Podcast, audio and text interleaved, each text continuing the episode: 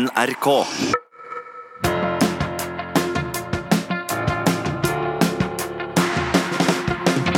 Sjakksnakk med Askild Bryn og Odin Blikravea. Dagens gjest er Magnus Carlsen. Jeg har hatt lyst til å slå til ham mens vi har sittet over brettet. Hei og hjertelig velkommen til første episode av eh, Sjakksnakk. Jeg er deres programleder, Askild Bryn. eh, Sjakkspiller i Vålerenga sjakklubb. eh, Mesterspiller i eh, over ti år. Og sjakkekspert for NRK. Og ved min side har jeg fast paneldeltaker Odin Blikravea, som også er klubbkamerat i Vålerenga, mesterspiller og nylig norgesmester for lag i Bergen. Velkommen, Odin. Takk. Og sist, men ikke minst, har vi med oss nok en klubbkamerat i Vålerenga. Verdensmester i sjakk. Sven Magnus Øen Karlsen, velkommen. Jo, tusen takk. Hyggelig å være her. Eh, Magnus, du har jo et uh, veldig spennende år uh, foran deg. Um, men før vi skal snakke om VM-kampen i november, så har vi litt lyst til å høre om uh, hvordan startet du med sjakk? Hvis du tar oss tilbake til den spede begynnelse. Eh, nei, altså faren min hadde prøvd å lære meg sjakk over flere år. Eh, begynte med at vi spilte litt sånn kong... eh, han hadde bare kongen eh, mot alle brikkene mine. Så etter hvert én bonde, og så to bønder, osv., osv. Jeg kan ikke huske at jeg kom meg så veldig langt. Men eh, det kom på en måte et gjennombrudd for meg da jeg var åtte. At Da fant jeg ut at jeg skulle slå storesøsteren min, Ellen, og så um, Så ble det ja, Så har jeg egentlig ikke sett meg tilbake siden, som man sier. Hvor, hvor viktig var det at, eh, at Ellen spilte sjakk, f.eks., på den tiden der? At du hadde en sparringspartner? Nei, det var veldig viktig at uh, Ellen eh, faktisk eh, begynte å skjønne litt. For faren min hadde jo gitt opp meg. Jeg var jo uh, sånn uh, Jeg var jo sånn litt barnslig for alderen, kanskje. Jeg likte ikke å, å nødvendigvis holde på lenger på med ting som jeg ikke skjønte, som f.eks. sjakk. Men så på et eller annet tidspunkt så klikka det, og så begynte jeg å gjøre det Begynte jeg å gjøre det hele tida. Nå, nå har vi en veldig fin og jovial tone her, og det er jo ikke noe hemmelighet at vi kjenner hverandre fra før av. Kanskje vi skal um, fortelle litt om det. Jeg vet ikke om eh, Ja, jeg kan jo starte med å si at eh, jeg spilte jo mange turneringer på Gausdal høyfjellshotell. Eh, vokste opp på Lillehammer og hadde jo ikke så mange mm, turneringer i mitt nærområde. Eh, så det var et veldig flott tilbud eh, for min del. Og Magnus så starta jo å spille der i ung alder. Og det må ha vært et fint tilbud for deg òg, når du fikk god matching i en viktig mm, periode med tanke på utvikling og Ja, absolutt. Altså min første sjakkturnering, ikke bare langsjakkturnering, men sjakkturnering i det hele tatt, var NM i, i 1999 eh, på Gausdal høyfjellshotell. Eh, da bodde jeg eh, i telt sammen med faren min, som spilte klasse 1. Og ble nummer eh, 13 i, i miniputt. Så det var, det var min begynnelse. Og så senere så tok jeg jo Jeg tok første IM-nappet mitt på, på Gausdal og og hadde ja, mange morsomme opplevelser. Spi- Spilte senest i 2007, da. eh, hvor jeg for første gang gikk over eh, eh, gikk, gikk over 2-7 på en, en ratingliste. Så det har betydd eh, mye for meg. Jeg har en litt morsom eh, anekdote fra nettopp Gausdal. og ja, Det var vel Gausdal Trollmasters eller Gausdal Classic. Eh, jeg var vel en 13-14 år, og, og du var 10-11. Og eh, Jeg husker jeg satt og analyserte partiet mitt da, ute i lobbyen etterpå. Eh, og Du hadde kanskje sett ti sekunder på stillingen min, og så kommer du bort og kommer med mange lange varianter og, og tips til forbedringer. da, For jeg var ikke på et spesielt høyt nivå den gang. Eh, Så da skjønte jeg at du um, hadde et veldig veldig stort potensial. Fordi du satt jo opptatt med ditt eget parti i utgangspunktet. Men på den tida så likte du også å gå rundt og se på andres partier og, og hente inspirasjon, på, på godt og vondt kanskje, fra de andre spillerne. Ja, altså, jeg kan tenke meg at jeg var dritirriterende. Jeg drev hele tiden og blandet meg inn i analysene til, til andre folk. Og så Det var jo ikke alltid med like stor suksess. Jeg husker en gang fra, fra nordisk mesterskap eh, i 2002, um, hvor jeg da spilte i, um, i tolvårsklassen. Og så drev jeg blandet meg inn i analysene til noen Til en svenske og en danske som eh, spilte i den øverste klassen, da, opp til, til 20 år. Så etter at jeg hadde kommet med et par eh, forslag på rad som booket offiser, så spurte han eh, sve svensken altså Hva har du? Som betyr altså hvor mye rating har du, Ja. ikke sant? Eh, så sa jeg at jeg har, eh, jeg har en 2250. De var Jeg ikke kan, jeg veldig kan si så imponert. mye at det trodde, han, det trodde han ikke på i det hele tatt. Men jeg vant nå i hvert fall, vant nå i hvert fall det mesterskapet, da, med Med eh, Med et nødskrik. Uh, Shouta til vår gode venn Jon Ludvig Hammer, som da reddet meg ved å eh, ved å slå Erik Blomkvist Ikke fra verst. Sverige, som hadde, som hadde slått meg. Veldig bra. Takk til Jon Ludvig der. Ja. Og du, Odin, når var det du møtte Magnus for første gang? Um, jo, det var Vi møttes vel på NTG når jeg gikk der. Så, så var det en liten gutt som kom og hadde kveldstrening med Simen Agdestein, som den gang var Norges beste sjakkspiller, og, og min trener, da. Og Magnus sin trener. Da, da ble det å trene litt styrke på, på etter sjakkøktene vi hadde på dagen. Og så når det ble kveld, da, så kom Magnus Luntan inn med Simen, og så satt jeg og prøvde å følge med så godt jeg kunne, da. Skjønte jo ikke så mye, men, men gøy var det. Det skal jo sies da, Odin, at eh, jeg òg har gått på NTG. eh, og vi hadde jo forskjell, et forskjellig utgangspunkt. Eh, jeg starta jo som et i hvert fall et forholdsvis stort barne- og ungdomstalent. Um, og, og, var jo egentlig ferdig med min eh, sjakkarriere da du begynte. Fordi du var jo en nybegynner da du begynte på NTG. Og er vel fortsatt den spilleren som har hatt høyest fremgang i løpet av tiden din som elev der. Ja, det stemmer. Jeg hadde vel eh, rett rundt eh, 1000 i rating, og når jeg var ferdig, så hadde jeg 2000, da. Så hadde jeg gått opp eh, Og i dag har du litt over 2200 Ja. mesterspiller i sjakk. Ja, men- Også, ja. Det er gøy at vi kan sitte og klappe hverandre litt på skulderen i, fint. i, i studio. Det er, det er koselig. Men altså, jeg var også imponert uh, over det. Fordi altså Første gangen Odin og jeg spilte samme turnering, var junior-NM i 2001. Uh, og da var jo jeg ti år gammel, mens Odin var, uh, var 16. Og jeg var mye bedre.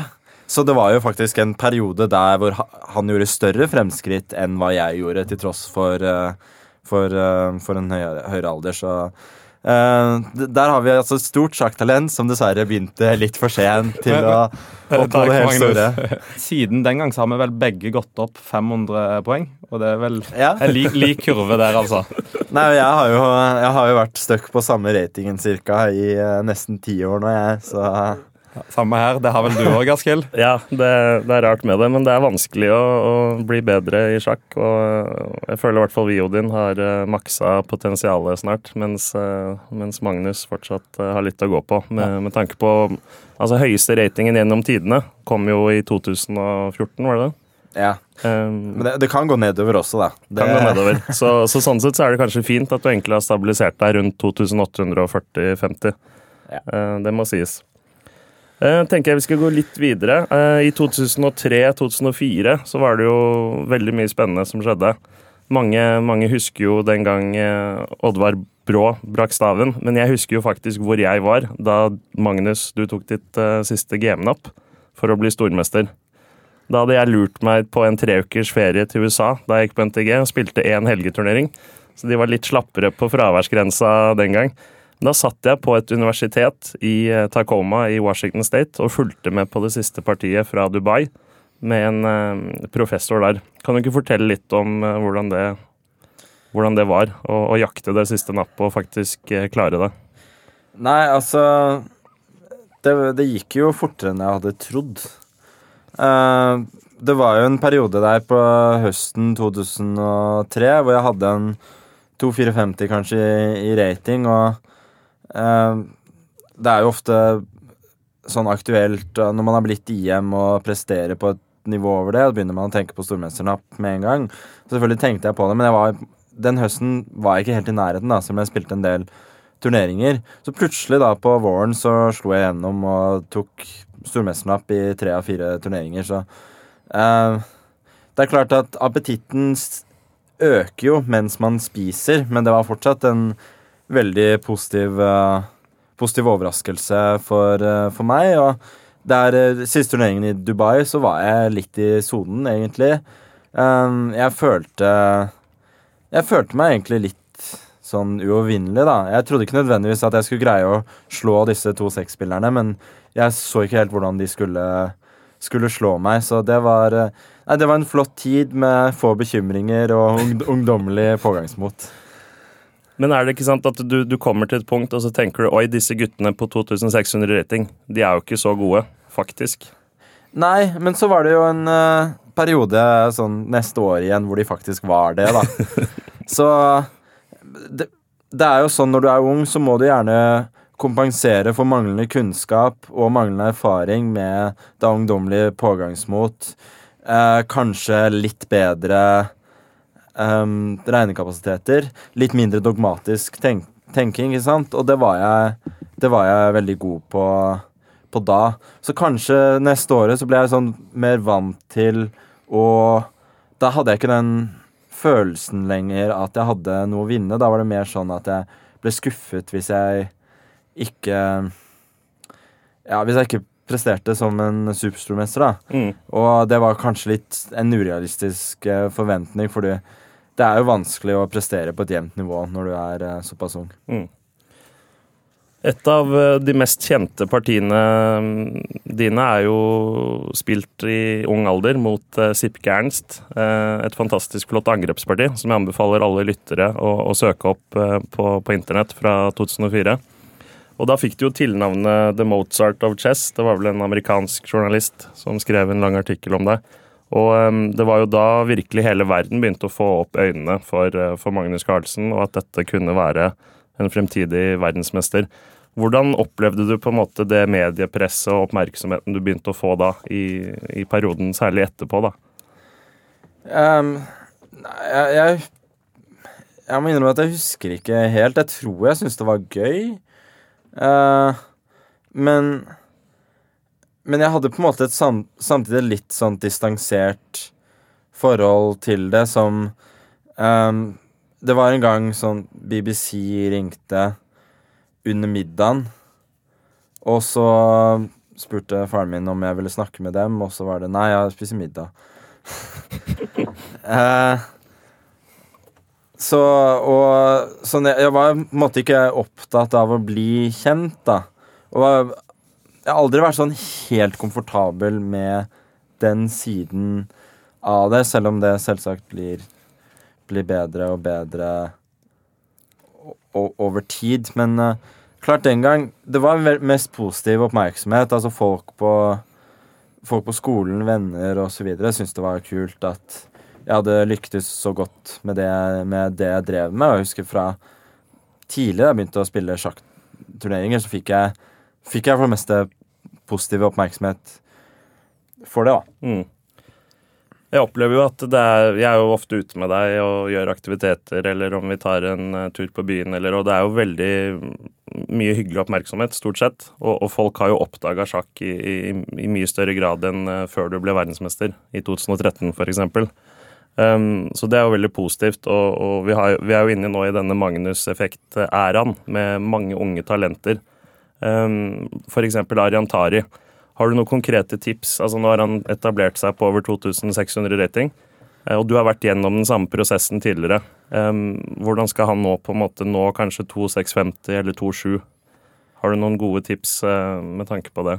Nei, altså eh, Bare for å ta noe av det du snakket om først, da, at det er folk som har blitt uh, bitt av sjakkbasillen osv. Jeg merker jo det stadig vekk med folk som uh, snakker til meg. Det var en gang jeg var Det var ute på byen. eh, det var vel med deg og noen andre kompiser for et par år siden. Hvor eh, eh, Hvor det var eh, en som eh, kom bort til meg og begynte å snakke om sjakk. Og jeg, jeg tror ikke han spilte så veldig mye, men han var veldig sjakkinteressert. Da fulgte med mye. Eh, og så På en eller annen måte så kom vi inn på en turnering som foregikk da, som var Pojkovskij-turneringen i eh, Russland. Som er en sånn litt under 2-7-snitt-turnering, da. Sånn elite B, på en måte. Og jeg sa sånn Jeg hadde ikke sett partiene fra i dag, og Jo da, men det hadde han fått med seg. Så det er gøy å kunne, kunne, kunne la lære fra folk som man ikke har møtt før. Altså, I gamle dager så visste vi på en måte hvem folk i sjakkmiljøet var. Og vi kunne være ganske sikre på at eh, sånn bort, hvis vi ikke kjente dem, eller visste hvem de var, så fulgte ikke med på sjakk. Mm. Men det er jo veldig hyggelig at det, det kan man ikke nå. Og det kunnskapsnivået folk har, er jo imponerende. Sånn da for de unggutta Jeg tenker for um, Det er jo veldig vanskelig, først og fremst. Uh, det er en grunn til at det er ikke så mange som når opp til til, til det super-G-nivået. Én ting er å bli Supergame er 2-7 nå. ja, Tidligere 2-7, så var det 2-7. 2-6. Ja, eh, ja. Så er jeg i hvert fall i nærheten av 2-7. Mm. Um, det, er en, det, er en, det er en grunn til det. uh, at det, det er veldig vanskelig. Det er et lite nåløye, og det er mange som prøver rundt, rundt omkring i verden. Og jeg syns jo det er veldig Det er veldig bra at vi har fått fram spillere som uh, Som da Arian Tari, som nå Han er fortsatt bare 18, kanskje fylt 19 Mm. uh, år. At han har uh, over 2,6 i rating, er jo strålende. Mm. Og han har jo da flere år nå på å, å kunne ta det neste, neste nivået, men det er på en måte der utviklingen går for det meste. De færreste bare slår rett igjennom som, eh, som, eh, som tenåringer. Og klart at han er jo Han, han får jo masse erfaring nå. Eh, og spiller mot gode spillere. Han har blitt ganske god til å, til å holde disse disse gode spillerne 2-7 til og med. Og da blir jo utfordringen da igjen å kunne vinne nok partier til å ta, til å ta det neste nivået. Og da må jo du Da må du gjerne bli enda, enda tøffere, mer, enda mer troen på at det skal gå, få noen positive opplevelser og um, det, Men, men det, det kan jo hende at bare med, med erfaring så går det i løpet av et par-tre år. Mm. Det, jo, eh, det må vel hjulpe den eh, juniorverdensmestertittelen òg, til å presse den videre. Til å Ja, det, det er er, sånn, sånn kan jo bli en, eh, en sovepute også, fordi du tenker at uh, um, Jeg trenger ikke å gjøre noe mer, for jeg har blitt juniorverdensmester, og det er jo superkult at han har blitt det. Jeg var jo, heiet jo som bare det mens han holdt på med, med det, men jeg vet jo at han også har, eh, har eh, høyere mål enn det, og jeg, jeg håper også vi kan få, få fram noen flere turneringer i Norge hvor uh, hvor unggutta kan få, få matching mot, uh, mot mange av de beste i verden. Og apropos Absolutt. det, så har vi vel uh, tidligere juniorverdensmestere som Maxim Varchel Grav og flere andre i verdenstoppen. da. Så Sånn sett så er det jo et lite håp om at uh, Arjan også kan ta de stegene som er nødvendig for å, for å komme topp eh, 30 eller 50 i verden. Ja, altså nå, nå har det vært litt sånn opp og ned med kvalitet på de juniorverdensmesterskapene siste, år, siste årene, men hvis du ser på listen over de eh, hva 60 årene eller noe sånn junior-VM har vært, så er det en eh, veldig prestisjefull eh, liste. Mm. Så eh, det, det er eh, Det er utrolig gøy for ham, og utrolig gøy for, eh, for, eh, for norsk sjakk, og det var eh, utrolig kult. Mm. Helt enig. Veldig bra. Eh, Noe jeg er litt interessert i å, spørre om, er eh, hvis man sammenligner med langrenn, der hvor man f.eks. har eh, sprintspesialister, 15 km-spesialister og femmilsspesialister. Hvis vi overfører det til sjakk og snakker om lynsjakk, hurtigsjakk og klassisk sjakk, så leder jo du rimelig suverent på alle disse rankingene nå i disse forskjellige disiplinene. Eh, Men så ser vi andre spillere i verdenstoppen som, eh, som kan ha f.eks. 2,8 i klassisk rating, men som ikke er på et høyt nivå i, i hurtigsjakk. F.eks. Caruana, som har slitt en del eh, der. Um, Hva er dine tanker rundt det, og hvorfor er du um, Du klarer å være så stabil i alle disiplinene, men så er det andre på 2-8-nivå som sliter med det samme. Altså, jeg tror Jeg tror det har en del med spillestil, erfaring og sånn å gjøre. Eh, akkurat med Caruana så er han en veldig konkret spiller. Uh, og det er jo gjerne sånn i hurtigsjakk og lynsjakk at du får ikke tid til å, til å til å regne på alt du trenger hvis du er veldig basert på, på ren kalkulasjon såpass ofte. Uh, så det er bedre å på en måte spille mer et lettsindig spill, da. Spille mer på intuisjon. Spille mer på, på intuisjon, og Uh, Jeg har på en måte sånn aldri skjønt greia selv, i og med at eh, det har kommet relativt lett for meg, så har jeg tenkt at Kom igjen, sjakk er sjakk. Du burde være god til eh, alt hvis du har, eh, har spillestyrke. Men, men jeg ser jo det også med flere kinesiske spillere som har slitt litt. eh, med lynsjakk også, som har vært veldig kalkulasjonsbasert, da. Ser jo også Karjakin. Masse erfaring. Solid spillestil. God teknisk. Perfekt for lynsjakk. Mm. Ser også han har Han har oppnådd masse i langsjakk, for all del, men fortsatt uh, har han bedre resultater i, i, uh, i hurtig- og lynsjakk enn langsjakk. Mm. Uh, og altså, Du nevnte så vidt hurtigsjakk også.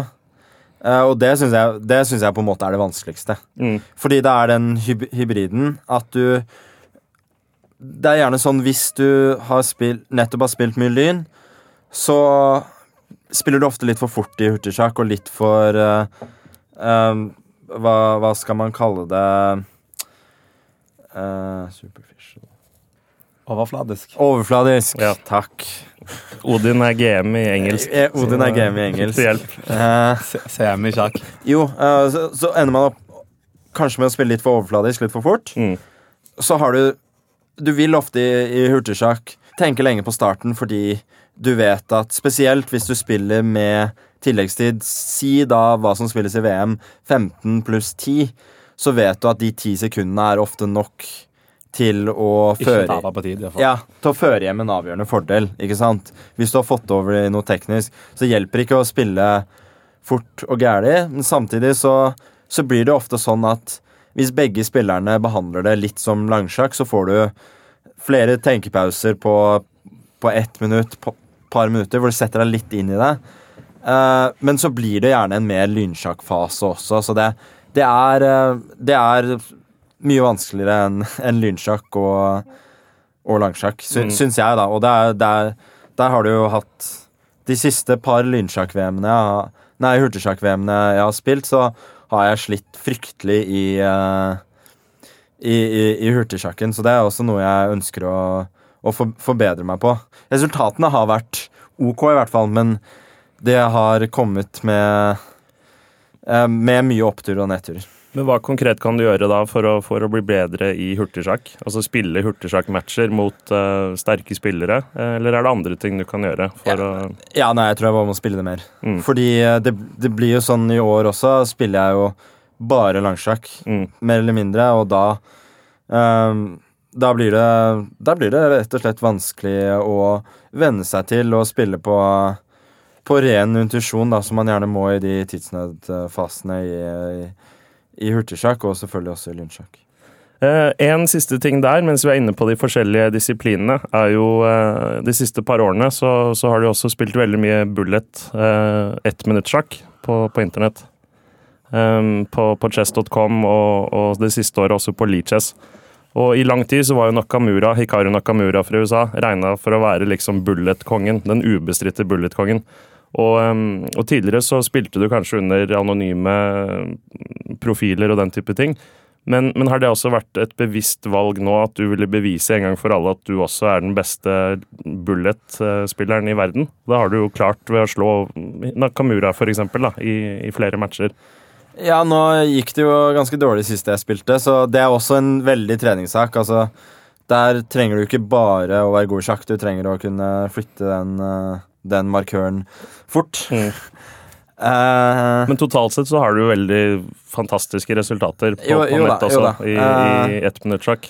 nei, altså det er jo klart eh, Det er en greie for meg å kunne, kunne vise at jeg kan, eh, kan flere ting, men det handler jo først og fremst om å, om å, om å ha, det, ha det gøy. Uh, så Og yeah, kanskje jeg ble litt lei av å bare spille anonymt på et eller annet tidspunkt. Og så tenkte jeg at uh, ja, samme det. Uh, For nå spiller du av og til på særlig leachess.org, og hva er det du spiller under der?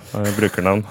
Det er så mye som Dr. Drunkenstein. Det har vært en stund siden nå, da, men uh, Dr. Drunkenstein, stemmer. Og du vant jo fire, var det fire eller fem Uh, jeg vant, jeg vant fire første, og så var det Crash and Burn uh, i, i den siste. Så da håper jeg kunne komme sterkere tilbake eh, neste gang. Veldig bra. Og, og der òg er det jo mange sterke spillere. Eh, Caruana har vært med og spilt disse turneringene. Eh, andre superstormestere. Ja, Giri, for eksempel, har vært med der også. Anish Giri fra Nederland.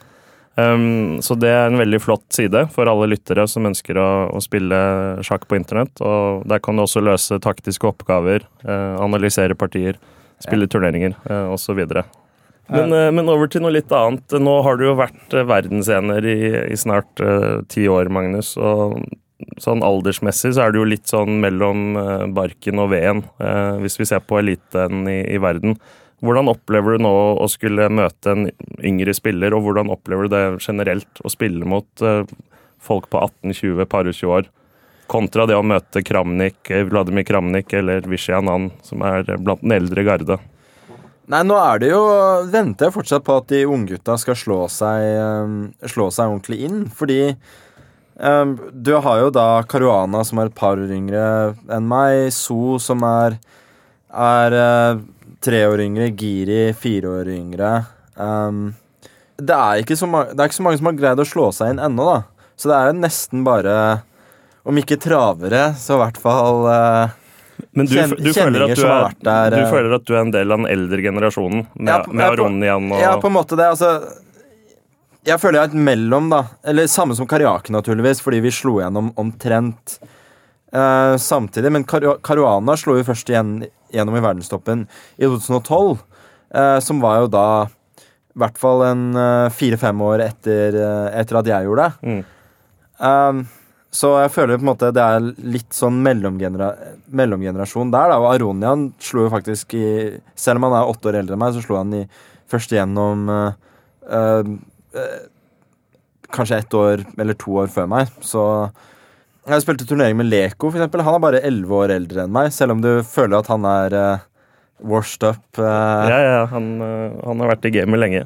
Ja, så, så, så det, er som, ja, det er som du sier, litt mellom barken og veden. Jeg vet ikke helt hvilken generasjon jeg er, jeg er en del av, jeg, egentlig. Men selvfølgelig, det hadde vært spennende å få folk opp som er Altså når du begynner med de som er født i nærheten av, av 2000, da. For da er det jo virkelig en annen annen generasjon igjen. Men foreløpig så er det jo ingen av de som på en måte ordentlig har blitt del av eliten. Og så har vi jo spillere som, eh, som gir vei fra Kina, som var spådd som et uh, supertalent og, og mulig VM-utfordrer. Men han nå har stagnert litt på 2-7-30-40 rating og har, har, ikke klart å ta det siste steget opp i verdenseliten. Nei, nå blir det jo også sånn at når du får dine sjanser uh, hvis, det, det må jo sies at det er en viss forskjellsbehandling her. at du, jeg var jo veldig heldig som på en måte var fra Vesten. At du får kanskje litt mer invitasjoner til vestlige turneringer hvis du er derfra. Og det er jo synd at det er sånn, men uh, det var jo f.eks. en gang i Vaikanse hvor jeg ble invitert mens Karjakin ikke ble det. Selv om jeg hadde gjort det mye dårligere enn ham året, året før. Mm. Uh, og der har du da Veie har fått noen invitasjoner, men i hvert fall de siste gangene så har han ikke gjort det så bra. Og så, da, får ikke, da, får du ikke, så mange sjanser. Og du må ofte ta de, da, fordi eh, når, du, når, du, ikke får spilt mot de beste, så greier du ikke å utvikle deg på, på, på samme måte. Og jeg tror jo at eh, han kommer til å slå gjennom eh, og bli en del av topp ti. Men det har kanskje gått et par år lengre enn man trodde, nærmest, allerede. Mm.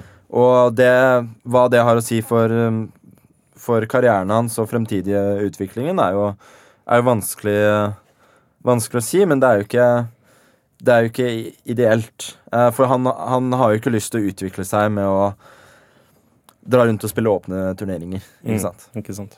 Um, men disse her um, Det er jo andre eksempel på andre sånne um, som er eldre garden. Eh, sånn som Dominguez og sånt. Nylig nå så skal vel han bli en del av team. Leiner Dominguez, tenker ja. du på, fra Cuba? Yep, han skal bli en del av uh, Team USA. Ja. Uh, ja, nei, altså de, de gjør jo en glimrende jobb, amerikanerne, med å kjøpe spillere. På overgangsmarkedet. det Altså Både Wesley So og Caruana de representerte jo henholdsvis Filippinene og Italia ja. eh, inntil noen år siden. Mm.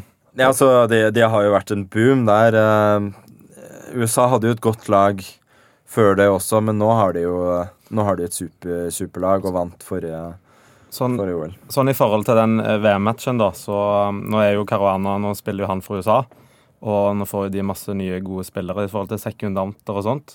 Og forberedelser, tror du det kommer til å ha noe å si for hans vedkommende? Ja, nå, nå vet jeg at han allerede har jobbet med Dominguez før eh, kandidatturneringen. Eh, Ikke sant? og jeg tipper altså Under OL så deler de litt Litt, Litt forberedelse. forberedelse med hverandre, de, de forskjellige spillerne på amerikanske laget, men jeg tror ikke det er for mye. Og det er ikke noen hemmelighet heller at spesielt da Nakamura og Caruana ikke er verdens eh, beste venner.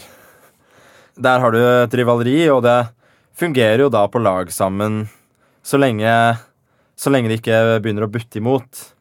Så er jo alle da fornøyd, men det skal bli veldig spennende å se hva som skjer med det amerikanske laget, om de går, med, om de går på en mine eller to eh, i OL. Da tror jeg det kan bli eh, det kan bli sur stemning.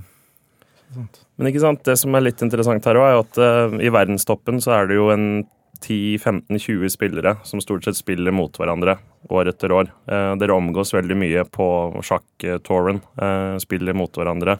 Omgås under turneringer. Eh, hvilke er de på en måte i verdenstoppen du foretrekker å omgås med sosialt eh, underveis i, i løpet av en turnering da, på to-tre uker? Altså, For å være helt ærlig, så, så er det få jeg sterkt misliker, på en måte. Mm. Eh, Hvem er det du misliker? Nei, altså, det, er, det er egentlig ingen jeg på en måte har en sånn sterk antipati for, da.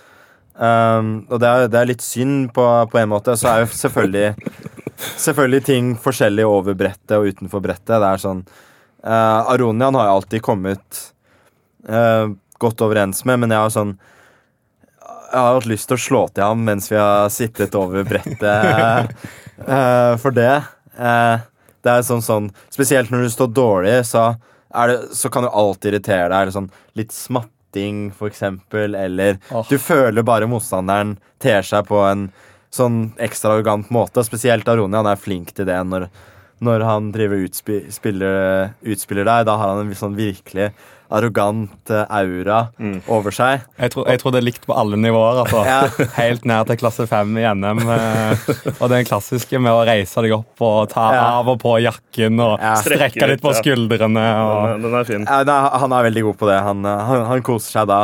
Men det er sånn Klart, Ikke nødvendigvis et reparti, men sånn ellers så, så kommer vi jo godt over uh, ens igjen, da. Men da spiller som, uh, som Maronian, uh, Varsela Grav eh, Det er kanskje de uh, Nepomniachtchi også, men han spiller jo ikke hele tiden de beste turneringene. Det er også Karjakin er en hyggelig fyr, og det er masse fine folk. Men sånn utenfor uh, sjakkbrettet underveis i en turnering, er det sosiale aktiviteter? Dere liker å spille fotball ofte, ser jeg, og, og nå i Norway Chess så var det jo en sånn kokkekonkurranse. Uh, hva tenker du om det? Er det forstyrrende, eller er det gøy med et lite avbrekk sånn innimellom? Altså For det meste så er det bare hyggelig. Eh, men det kommer jo litt an på hvordan Hvordan du er i hodet, da. Om eh, Og om eh, hvordan turneringen går. Så turneringen går bra, så kan du Så er det mest, meste annet morsomt. Ja, så, så er det mer sånn go with the flow, ikke sant. Da, når du greier å slappe av og ha det fint, så Norway Chess var det bare fint alt sammen. Det var sånn litt lav energi på starten av den kokkekonkurransen, men det kom jeg, kom jeg etter hvert bra inn i, og Wesley Soo viste seg jo da å være en overraskende god partner eh, i den konkurransen òg, så det var jo det var egentlig alle tiders det etter hvert, da, selv om jeg hadde kanskje innstillingen fra starten at Ja, eh, nå var det dette, da. Eh, så så det, ble en, det ble en super opplevelse. Men det er klart at når det går dårlig, så er det jo lett å, å komme veldig inn i den eh, sove, spise, preppe, spille-rutinen. Mm. Og det er jo ikke Ja, det er jo ikke nødvendigvis positivt, eh, det. Det gjelder å på en måte finne en balanse på ten tenningsnivået ikke være altfor avslappet. For altså da på en måte Ja, da mangler du litt punchen til å kanskje ønske å vinne hvert parti og sånn. Men du kan ikke være for Du kan ikke tenke for mye på resultat heller. Prøve å kose deg samtidig som du er skjerpa. Mm. Mm. Får du trent noe da under turneringer, eller uh, gjør du det i forkant? Jeg prøver, eh, prøver litt. Uh, så det er jo sånn det er ikke nødvendigvis så lurt å trene hardt kvelden før et parti eller før et parti, men da blir jeg ofte litt slapp. Men eh, sånn Før hviledager, for eksempel. Ja, før så- hviledager er glimrende, og du eh, må jo trene noen ganger i løpet av turneringen. Altså, I hvert fall hvis ikke jeg gjør det, så føler jeg bare kroppen visner hen Men- eh, fullstendig. Ja, for du, du holder deg jo i grei, grei form. eh, sånn- grei, grei er ordet. Eh, sånn, Iallfall i forhold til andre sjakkspillere på toppnivå. Vil jeg si, er, det, er det bevisst, eller er det mm, Er det mer sånn du bare liker å være aktiv og Ja, nei, altså det Jeg har alltid, alltid likt ballsport spesielt, da. Eh, fotball, basket, eh, tennis, volleyball og sånn har jeg ikke spilt på lenge, men det minner jeg selv på meg at jeg må, må, må, må, må tilba tilbake til. Men det er sånn du ser mer og mer på turneringer at Uh, spillerne tar uh, treningsbiten uh, alvorlig. Og du ser, Ja. du ser eh, Caruana i eh, Tufteparken i Stavanger tar 20 hangups og Ikke sant? eh, og, og Nakamura løper seg en tur rundt Stokkavannet, og, Oi, og Varsela Grav uh, har ti kilometer på, på mølla og sånn, så folk, kom, folk kommer etter, og uh, folk er mye mer bevisst på den biten enn de var, uh, var for noen år siden, og det, det, det, det Sånn tar jeg en liten kreditt for, for selv. Og, men, men jeg syns det, er- jeg synes det er en bra, bra ting, altså at folk er er mer og mer profesjonelle. Og det, det leder jo til høyere kvalitet. Ikke sant. Nå skal vi jo etter hvert få snakka litt om eh, den kommende VM-kampen i november i, i London. Men, uh, men før det så tenkte jeg vi skulle ta et lite tilbakeblikk til uh, VM-kampen mot Karjakin. Sergej Karjakin i, i New York, som ble jo ultradramatisk på, på flere måter. Um, mange kritiserte jo Karjakin for en litt defensiv tilnærming til kampen. Og, og flere utropte han jo som Putins nye forsvarsminister underveis. Um, og du, eh, du gikk jo også på et tap mot slutten og lå under i kampen. Hvordan, hvordan takla du det å for første gang måtte komme tilbake underveis i en, en VM-kamp? Nei, altså Det, det, det var sånn på, på starten uh, Første partiet, andre partiet skjedde det skjedde lite. To relativt uh, udramatiske remier. Så tredje partiet hadde jeg klare vinsjanser. Fjerde partiet enda klarere vinsjanser, vil, vil jeg si. Um, Men hvorfor fikk du ikke ballen Nei, i mål da? altså det var jo en, en kombinasjon av godt forsvar og at jeg rett og slett mista konsentrasjonen, manglet energi i um, Avgjørende øyeblikk. i avgjørende øyeblikk, altså i femte-sjette spilletime. Noe som er en skandale når du, når du liksom har, har forberedt deg til, til, til det her lenge. Jeg var ikke så veldig bekymret på, på, på det tidspunktet, for jeg tenkte at uh, ja, Nei, det her kommer til å gå. Mm. Det, det, fordi at jeg, jeg utspiller ham, og jeg har åtte partier å gjøre på. Dette, dette går helt fint. Null problem. Så kommer det noen remier til. Og så, så er det ofte sånn med, sånn med meg i turneringer at jeg blir sånn Jeg mister energien når det blir for mange kjedelige remier. Mange partier hvor det, hvor det ikke skjer noen ting. Og, og det er mye fridager og sånn. Du blir sånn Du blir så sliten psykisk, for det er sånn Du får ikke spilt noe sjakk. Du får ikke, du får ikke tenkt, du får ikke vist noe som, som helst. Og det er jo en ting jeg må bli bedre på. Greie å på en måte møte opp til hvert parti da med, med like god innstilling igjen. Og sånn sett så greide han jo da å dra litt liv ut av matchen. Og da vi kom til åttende parti, så hadde jeg jo spilt remis to partier på rad, seks og sju med svart, og tenkte igjen at ok, nå har jeg tre sjanser igjen med hvit. Fortsatt ikke særlig bekymret.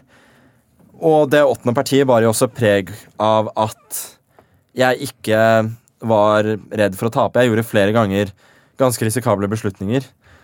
Eh, Så gikk jeg for langt.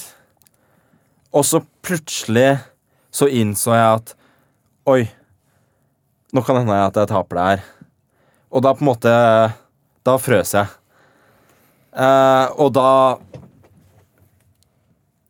Er du, er du bevisst på hvordan du fremstår da ved brettet? Altså Hvis du innser at du har gjort en stor tabbe. Vi husker jo også at du gjorde en tabbe mot uh, Annan Annan, ja. under Sotsji-matchen, var det vel. Eh, men han, han så jo ikke den tabben. Nei, men, det, men det, det var sånn Det var ikke det at jeg hadde dummet meg ut all, allerede. Det var bare sånn at jeg innså at det var en reell sjanse for å tape det partiet. Og det var Det var jeg på en måte ikke psykologisk forberedt på, fordi tidligere i matchen så hadde jeg ikke vært i tapsfare i noe I det hele tatt. i noe parti. Jeg, Mm. altså, enten så hadde partiene blitt tidligere mi, eller så hadde jeg pressa. Så da greide jeg jo ikke å by noe motstand i det hele tatt i femte spilletime i åttende parti. I tillegg til at han eh, fant noen veldig gode trekk, sånn som eh, H5. eh, hvis eh, folk der hjemme ikke husker det, google it. Og men, men det er klart, altså, da etter åttende parti så Ja, da var jeg ganske langt nede. Men da var det en hviledag etterpå, kan det stemme? Etter det tapet? Ja, Og da valgte du å avreagere litt med å ta deg en tur ut på, på byen i New Yorks gater, eller hva var det? Ja, det, det var egentlig ikke det. Det var bare at vi hadde en teammiddag som vi gjerne hadde ikke hver dag, men gjerne i hvert fall før, eh, før fridag. Og det ble jo mer at eh, jeg tok meg noen drinker der og um, Men var det deilig å kunne avreagere litt og bare få tapet litt på avstand? Og... Ja, det var, det var, det var fint, det. Uh, nå vil jeg ikke si at det var det som hjalp meg tilbake i, i matchen, men det, det var mer også sånn desperasjon at jeg, jeg, jeg, jeg begynte å tenke på ja, hva skal jeg gjøre når jeg har tapt denne matchen, og hvordan skal jeg på en måte vise meg på en turnering igjen Ja. uten, uten VM-tittelen? For det er, jo, det er jo veldig interessant. Eh, har du gjort deg opp noen tanker at hvis det skulle skje Ja, nei, altså det er sånn eh, jeg, jeg, jeg skjønner at jeg er enormt privilegert som får oppleve det her, og det er en drøm til Drøm til veldig mange rundt omkring i verden, og jeg syns jo det er, det er veldig kult selv, men, men det var Det var på en måte enklere den tiden hvor jeg ikke var med i VM. Fordi da tenkte jeg Jeg tenkte veldig lite på verdensmestertittelen. Det var bare sånn at Ja, jeg visste at det var noen som hadde den, men jeg visste at jeg også egentlig var bedre enn dem. Mm. Ikke sant? Og nå er jeg sånn Nå henger det litt over deg. Nå henger det litt måte. over meg. Jeg er redd for å miste den. Mm. Og det var det Det var liksom tanken på um, Det var tanken da at det er fint å ha den selv, men uh, Og, det, det er strålende, men, men først og fremst var det tanken på at, at Karjakin skulle ha den. Det er bare Ja, jeg, jeg visste ikke hvordan jeg skulle, leve med det, nærmest. Mm. Uh, og, og det er klart at det er jo ikke noe godt utgangspunkt for å skulle komme tilbake i, uh, i matchen. Heldigvis så, så, så greide jeg det. Jeg vet ikke helt Vet ikke helt uh, hvordan, og det var klart Det var jo marginer der med tiendepartiet. Hvem vet? eh, hvis jeg ikke hadde greid å vinne det, så hadde det jo sannsynligvis ikke, ikke gått. Eh, men Men så utligner du. altså Det blir én seier til begge to, og resten remis. Og så går det til omspill i hurtigsjakk. Og hva følte du da? Da tenkte du kanskje at det her, det her, her er gode muligheter. Ja, eh, altså jeg må si at eh, etter tiende parti så var jeg ikke så bekymret lenger. Eh, fordi ok, jeg er tilbake, tilbake i matchen, og jeg kunne gå tilbake til å spille med solid med svart osv. Så, videre. uh, så holdt jeg en ganske enkel remis i eh, parti 11, og da sa jeg bare til, eh, til gutta etter, eh, etter eh, parti 11 at eh, det tolvte partiet, det blir en det, det, det kommer ikke til å bli noe av. Ikke Jeg sa liksom til Peter at ikke gidd å forberede deg. Peter er da Peter Eine Nilsen, Eh, tre- hovedsekundanten din, Ja. treneren din. Ja. Eh, Så jeg sa at eh, ikke gidd å, å forberede noe til det partiet. Det blir, det blir en kort remis. Og så gleder vi oss til, til å spille tiebreak. For der, for der følte jeg at eh, jeg, jeg hadde veldig tro på at den tiebreaken kom til å bli gøy, og den kom jeg, kom jeg til å vinne. Hadde jeg på en måte kommet over Kommet over humpen igjen og begynt å, begynt å se Men vil du også si at du hadde på en måte litt psykologisk overtak, i og med at det er du som utligna eh, matchen med, med den siste seieren, da? Ja, og, og det er klart at plutselig så hadde Ka- Karjakin noe å tape. Mm. For jeg tror han hadde gått inn til matchen med en tanke om at han trodde vel egentlig ikke han kom til å vinne det, men han skulle gjøre så godt han, godt han kunne og gjøre det så vanskelig som meg som mulig. Mm. for meg som mulig. Og det klarte han jo. Det klarte han jo. Eh, men da, når han plutselig hadde mistet ledelsen Ja, det er, no, det, er noe, det er noe annet, og jeg på en måte hadde Følte jeg hadde gjenoppstått litt fra det døde. da, altså Jeg spilte litt med House Money, Mm. eh, følte jeg, og det, det var en mye bedre situasjon eh, rent psykologisk. Og eh, avslutningen på, på det siste trekket du gjorde i, eh, i hurtigsjakken, vil jo gå inn i historiebøkene, hvor du ofrer dronningen i siste trekk og, og vinner VM-tittelen. Ja, nei, det var, det var gøy. Det er så, sånn typisk hvor du må, du må sitte og regne et par-tre ganger på det. Fordi altså Fordi altså, da går du Du kan jo gå da fra en sikker skei. Jeg kunne jo på en måte eh, For det meste hadde jo vunnet. Det meste hadde vunnet. ja. Så da går man sånn Hvis det ikke funker, så taper jeg. Da blir jeg matt selv. Men det er sånn på et eller annet tidspunkt så må du, må du sette deg ned og tenke at Nei, jeg greier, selv om dette er et viktig parti, jeg greier å, å regne tretrekksvarianter. Veldig bra. Eh, det, det, der må man ha selvtilliten. Kjenner meg igjen i det, altså. Nå tenker jeg vi skal begynne å bevege oss over mot eh, den kommende VM-kampen. Og, og kort, kan du ikke bare gi en eh, karakteristikk av spillestilen og typen Fabiano Caruana? Nei, altså, han er uh, rolig, ganske ukomplisert type. Eh, egentlig helt, uh, helt fin fyr. Um, spillestil uh, Han spiller veldig Han spiller veldig konkret. Um, regner veldig, veldig godt og langt. Så han er en regnemaskin, altså. Ja, Uh, godt forberedt. Um, og så elsker han sentrum. Ja. Det er noe, noe jeg har lagt veld, veldig merke til. At han, han gir ofte motstanderen sånn fribønder, ofre bønder. Um, tar kongeangrep imot for å få, For å få sentrum, ja. for, for å få sentrumskontroll. Så det er sånn av ting, av vurderinger, eh, av sånn sjakkforståelse som vi er litt forskjellige på, så er det kanskje det som jeg syns er sterkest, at han da vurderer sentrum veldig stort. Interessant at du sier det, for det um, Simen Agdestein, som har vært eh, både min og din trener, han òg er jo veldig opptatt av sentrum. Ja, Så, um, og jeg husker gjentatte ganger når vi spilte Lyn, så sa han det at eh, ja, du har ingen respekt for sentrum, og ungdommen nå til dags har ingen respekt for sentrum. Så du har tydeligvis ikke tatt noe av det. Nei, nei, jo, jeg har jo det, da. Men jeg, jeg vokste opp med å spille mot Simen, hvor uh, han ofte pådro seg uh, uh, Eller jeg ofte fikk et utviklingsforsprang og aktivitet mot at han fikk litt mer sentrumskontroll. Så noen ganger så kom jo brikkene hans til liv et, etter hvert, mens andre ganger så fikk han bare ikke utviklet seg. Og eh, jeg slo ham før han fikk, uh, fikk rokert, så det var, det var hele tiden sånn clash i, med stiler uh, der også. Og um, uh, det har liksom gått litt opp og ned. Det, det, blir, det blir jo også sånn at stilene forandrer seg litt opp gjennom årene, selv om spillestyrken er omtrent den samme. Men eh, Odin, hvordan har Caruana gjort det nå de siste par åra? Han er vel i en brukbar form, i hvert fall i klassisk Jo da, eh, sjakk. absolutt. Ja, I klassisk sjakk så gjør han det jo bra. Du spilte jo med han i, i Norway Chess, Magnus. Um, der vant du jo både i eh, langsjakk og i lynsjakk. Ja. Mens Caruana vant turneringen. Um, hva tenker du det har å si, altså sånn psykologisk fordel uh, å vinne de to partiene der liksom før den VM-matchen? og Nei, jeg tenker jo at eh, de par siste langsjakkpartiene han, mot ham, første runde i eh, Grenke og første runde i Norwich, så har veldig vært positive opplevelser. Jeg holdt på å slå ham med svart, og jeg slo ham med, med hvit. Og generelt så Jeg tapte mye for ham. Jeg tror jeg hadde fem Fem-fire avgjorte partier eller noe sånt mot ham. Uh, og vi hadde bare spilt sånn 20 partier totalt, altså det var veldig mye avgjorte partier. Mens uh, siden har jeg vunnet Jeg vet ikke om jeg har kanskje tapt en gang til, da, men jeg har 9-5 eller 10-5 eller et eller annet sånt. Ja. Siden, siden 2007 så, så har du 19 seire og 10 tap, Ja, ok. Ifølge uh, Fides lister. ja, eh, nei, men det, altså, det, det er sånn i alle disipliner, da. Ja.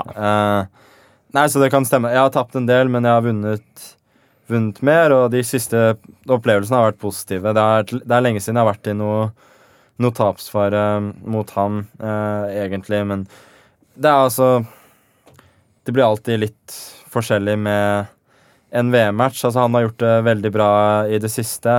Ikke mot meg. Jeg har gjort det sånn så som så i det siste, men, bra mot han. Så eh, hvem vet, men Men- jeg, jeg tror nok jeg kommer til å være mer skjerpa da generelt enn jeg har vært, Ja. han, vært nå. Han er vel rangert som nummer to, ikke sant? Uh, er dette en mann er det, liksom, er det noen du ville engsta deg mer for å møte, som hadde passa deg dårligere, eller er, er på en måte han er nest best etter deg? Nei, altså Caruana er den verste motstanderen. Han er den, han er den nest beste, og han er den vanskeligste å, å, å spille mot. Eh, han er ikke den vanskeligste å slå, fordi han tar en del Tar sjanser selv. tar sjanser selv, men han er, eh, han er på en måte den jeg føler eh, Kanskje sammen med Aronian, da, at jeg føler at jeg har blitt utspilt oftest da. Ikke sant, Aronian er en sånn type spiller. Eh, så du tror ikke det blir noen reprise av sånn kajakken der du har 80 eh, ball possession og, og ti skudd på målet, ikke foran ballen, og så får din en heldig kontring? Nei, altså, jeg tror han kommer til å forsvare seg mye bedre i VM-matchen enn han har gjort mot meg ellers. Det tror jeg, for sånn er det for de, for de fleste at uh, når det er sånn du virkelig må, så blir det sånn, så blir det sånn at du tenker at uh, ja, ok, kanskje jeg faktisk skal forsvare meg passivt i stedet for å søke aktivitet her. Kanskje selv om jeg ikke ser lys i enden av tunnelen på de neste fire spilletimene. Så ok, jeg må, jeg må bare bite tenna sammen. Og det er, lettere, det er litt lettere når du spiller en vanlig turnering og tenker at eh, ok, men her har jeg en rimelig motsjanse.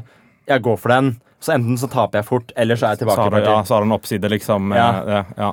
Eh, Mens i VM-matcher så Karjaken og sånn Karjaken er veldig god på det å forsvare seg uten oppside.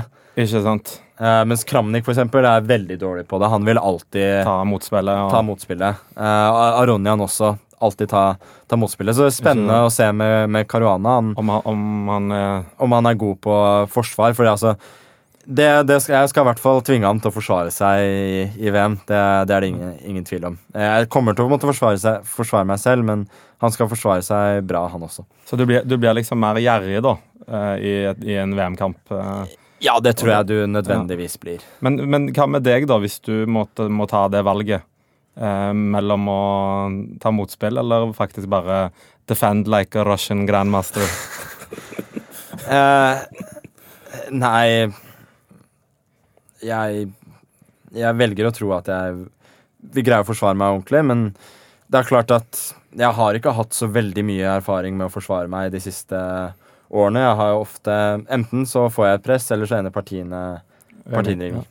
Så, så vi, vi får eh, For, det, for det, kan skje, det kan jo skje mer enn mot Kraken, tenker jeg. At, eh, at Karana kommer på offensiven, at han i hvert fall prøver på det. Å få, oh, ja, ja, den i det sporet ja, der. ab- absolutt. Uh, og det er jo sånn at jeg har jo vunnet flere partier mot ham tidligere da, med aktivt forsvar, hvor jeg, han har presset meg, og jeg har fått motspill og, og vunnet. Så, det, så skal ikke se helt bort ifra at jeg vil prøve på det en del. Men eh, et annet interessant poeng her er jo at eh, det er jo første VM-kamp hvor nummer én og to på rankingen møtes siden Anatolij Karpov mot Geri Kasparov, og er vel den første siden 1930-tallet med to vestlige spillere. Så sånn sett så er det jo eh, en, en veldig unik inngang til, til VM-kampen. Og um, hvordan ser du på det å, å spille i London, kontra du har vært i Chennai, Sotsji, New York tidligere? Altså, det er jo fordeler og ulemper. Eh, fordelene er jo at eh, det er lettere for publikum, på en måte, og det er jo, jeg syns det er fantastisk at eh, at det blir lettere for folk å, å dra fra bare et par timers flytur fra, fra Oslo, så er du der.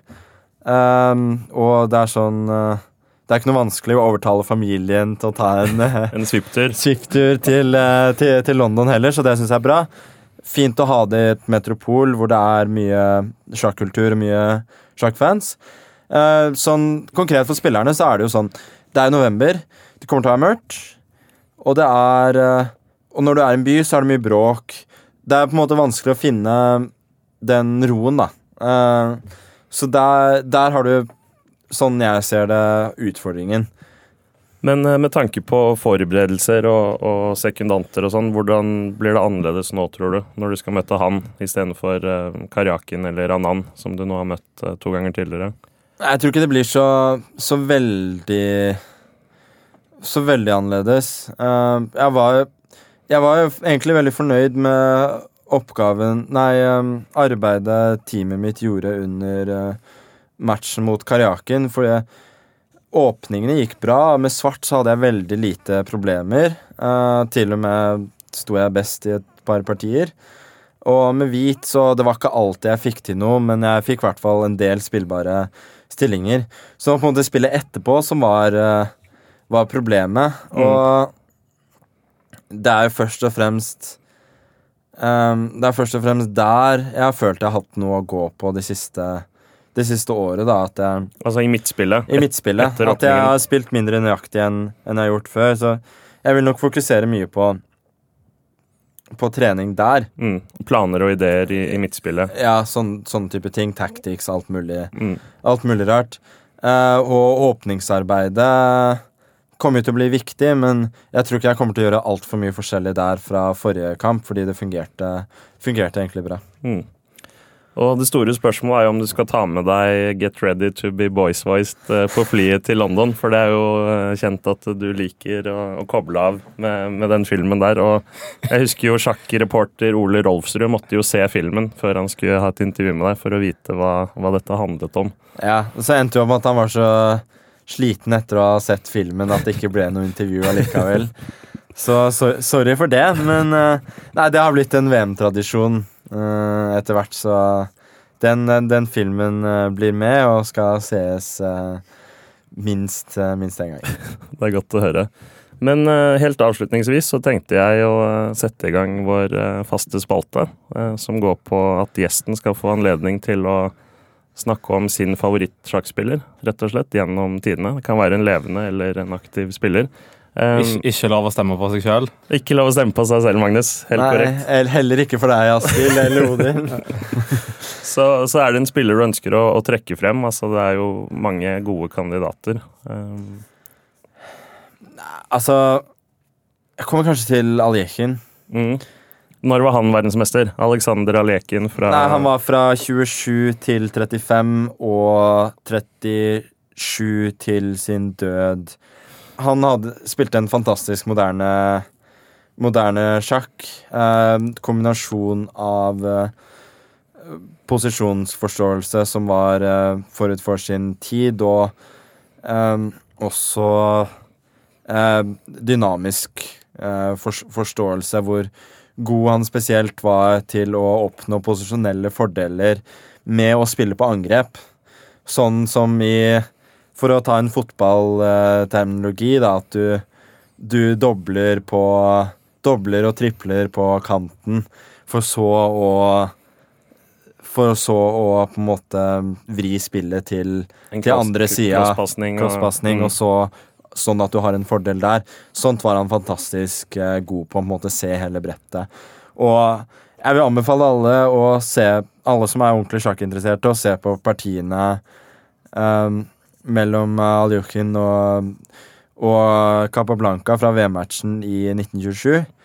Eh, fantastisk match, eh, og begge to eh, eh, langt forut for sin tid på eh, både ja, altså egentlig spesielt på nivå, men også forståelse. Mm. han har vel en åpning oppkalt etter seg og Ja, jeg vet ikke om det er det som er hans stolteste øyeblikk. bidrag. Men det er en litt Eh, artig åpning. altså Bonden fram til E4, og så spiller svart hesten til F6. Så han lokker rett og slett motstanderen til å ta sentrum, for så å kontre.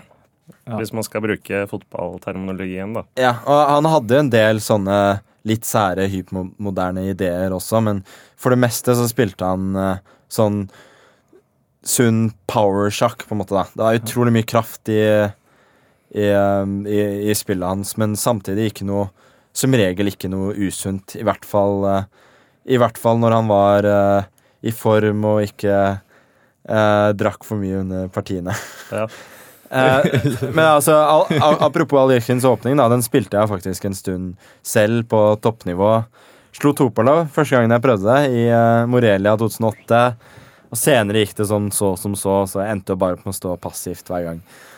Solid, men passivt. Jeg husker jo vi, vi spilte en turnering i Benedorm eh, med NTG for noen år tilbake, og, og vi hadde fått eh, besøk av Mihail Soba, eh, en, eh, en, form for ekspert på den åpningen. da, og eh, jeg ble jo veldig inspirert av dette, så jeg spilte Aljekins åpning da, i neste parti, og gikk ned som en uh, sekk etter kort tid. Så det er en åpning man må, man må studere. Det er ikke nok å kanskje bare ta, ta en kjapp titt på den. Nei, det er, det er som Simen pleide å si, dette er ikke noen nybegynneråpning. Nei, dette er ikke noen nybegynneråpning.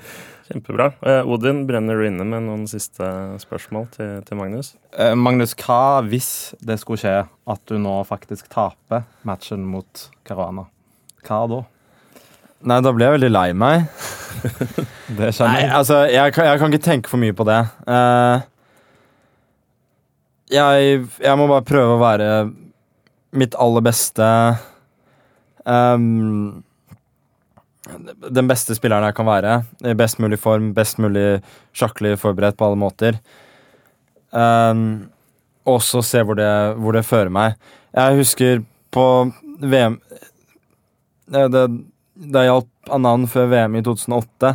Så var jeg ung og naiv og spurte Anand sånn Ja, hva, har du tenkt noe på hva som skjer hvis du taper matchen, og, og om du skal legge opp, eller noe sånt? Det var jo ikke ment noe Nei. vondt med det, men uh, jeg skjønte da på Peter, da, som jobbet med sammen med deg, Peter Heine igjen, uh, som er treneren min nå, uh, som jobbet sammen med Anan den gang, altså sånn bare Nei, ikke ikke spør om det. Det fokuserer vi så jeg, fokuserer ikke Så jeg skal ikke spørre, altså? Det, Nei, så, så, så, det er liksom Det er det jeg vil si, altså.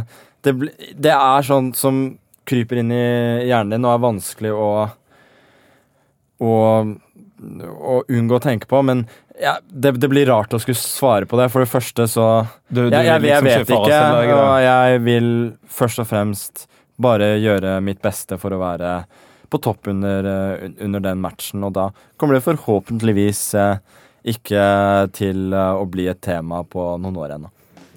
Nei, men vi, vi, krysser fingrene og bare si tusen hjertelig takk for at du, du stilte opp og, og, kom innom første episode av Sjakksnakk. Det setter vi veldig pris på. Jo, og, tusen takk. Det har vært en glede å være her. vi kunne da... jo ha sittet i mange timer, men vi runder av der. Og da er det bare å si én ting før vi sier på gjensyn, og det er Vi, vi sjakkes.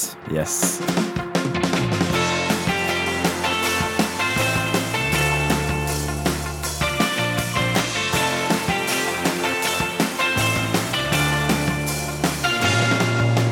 Sjakksnakk lages for NRK av Askild Bryn, Odin Blikk Ravea og Sindre Leganger.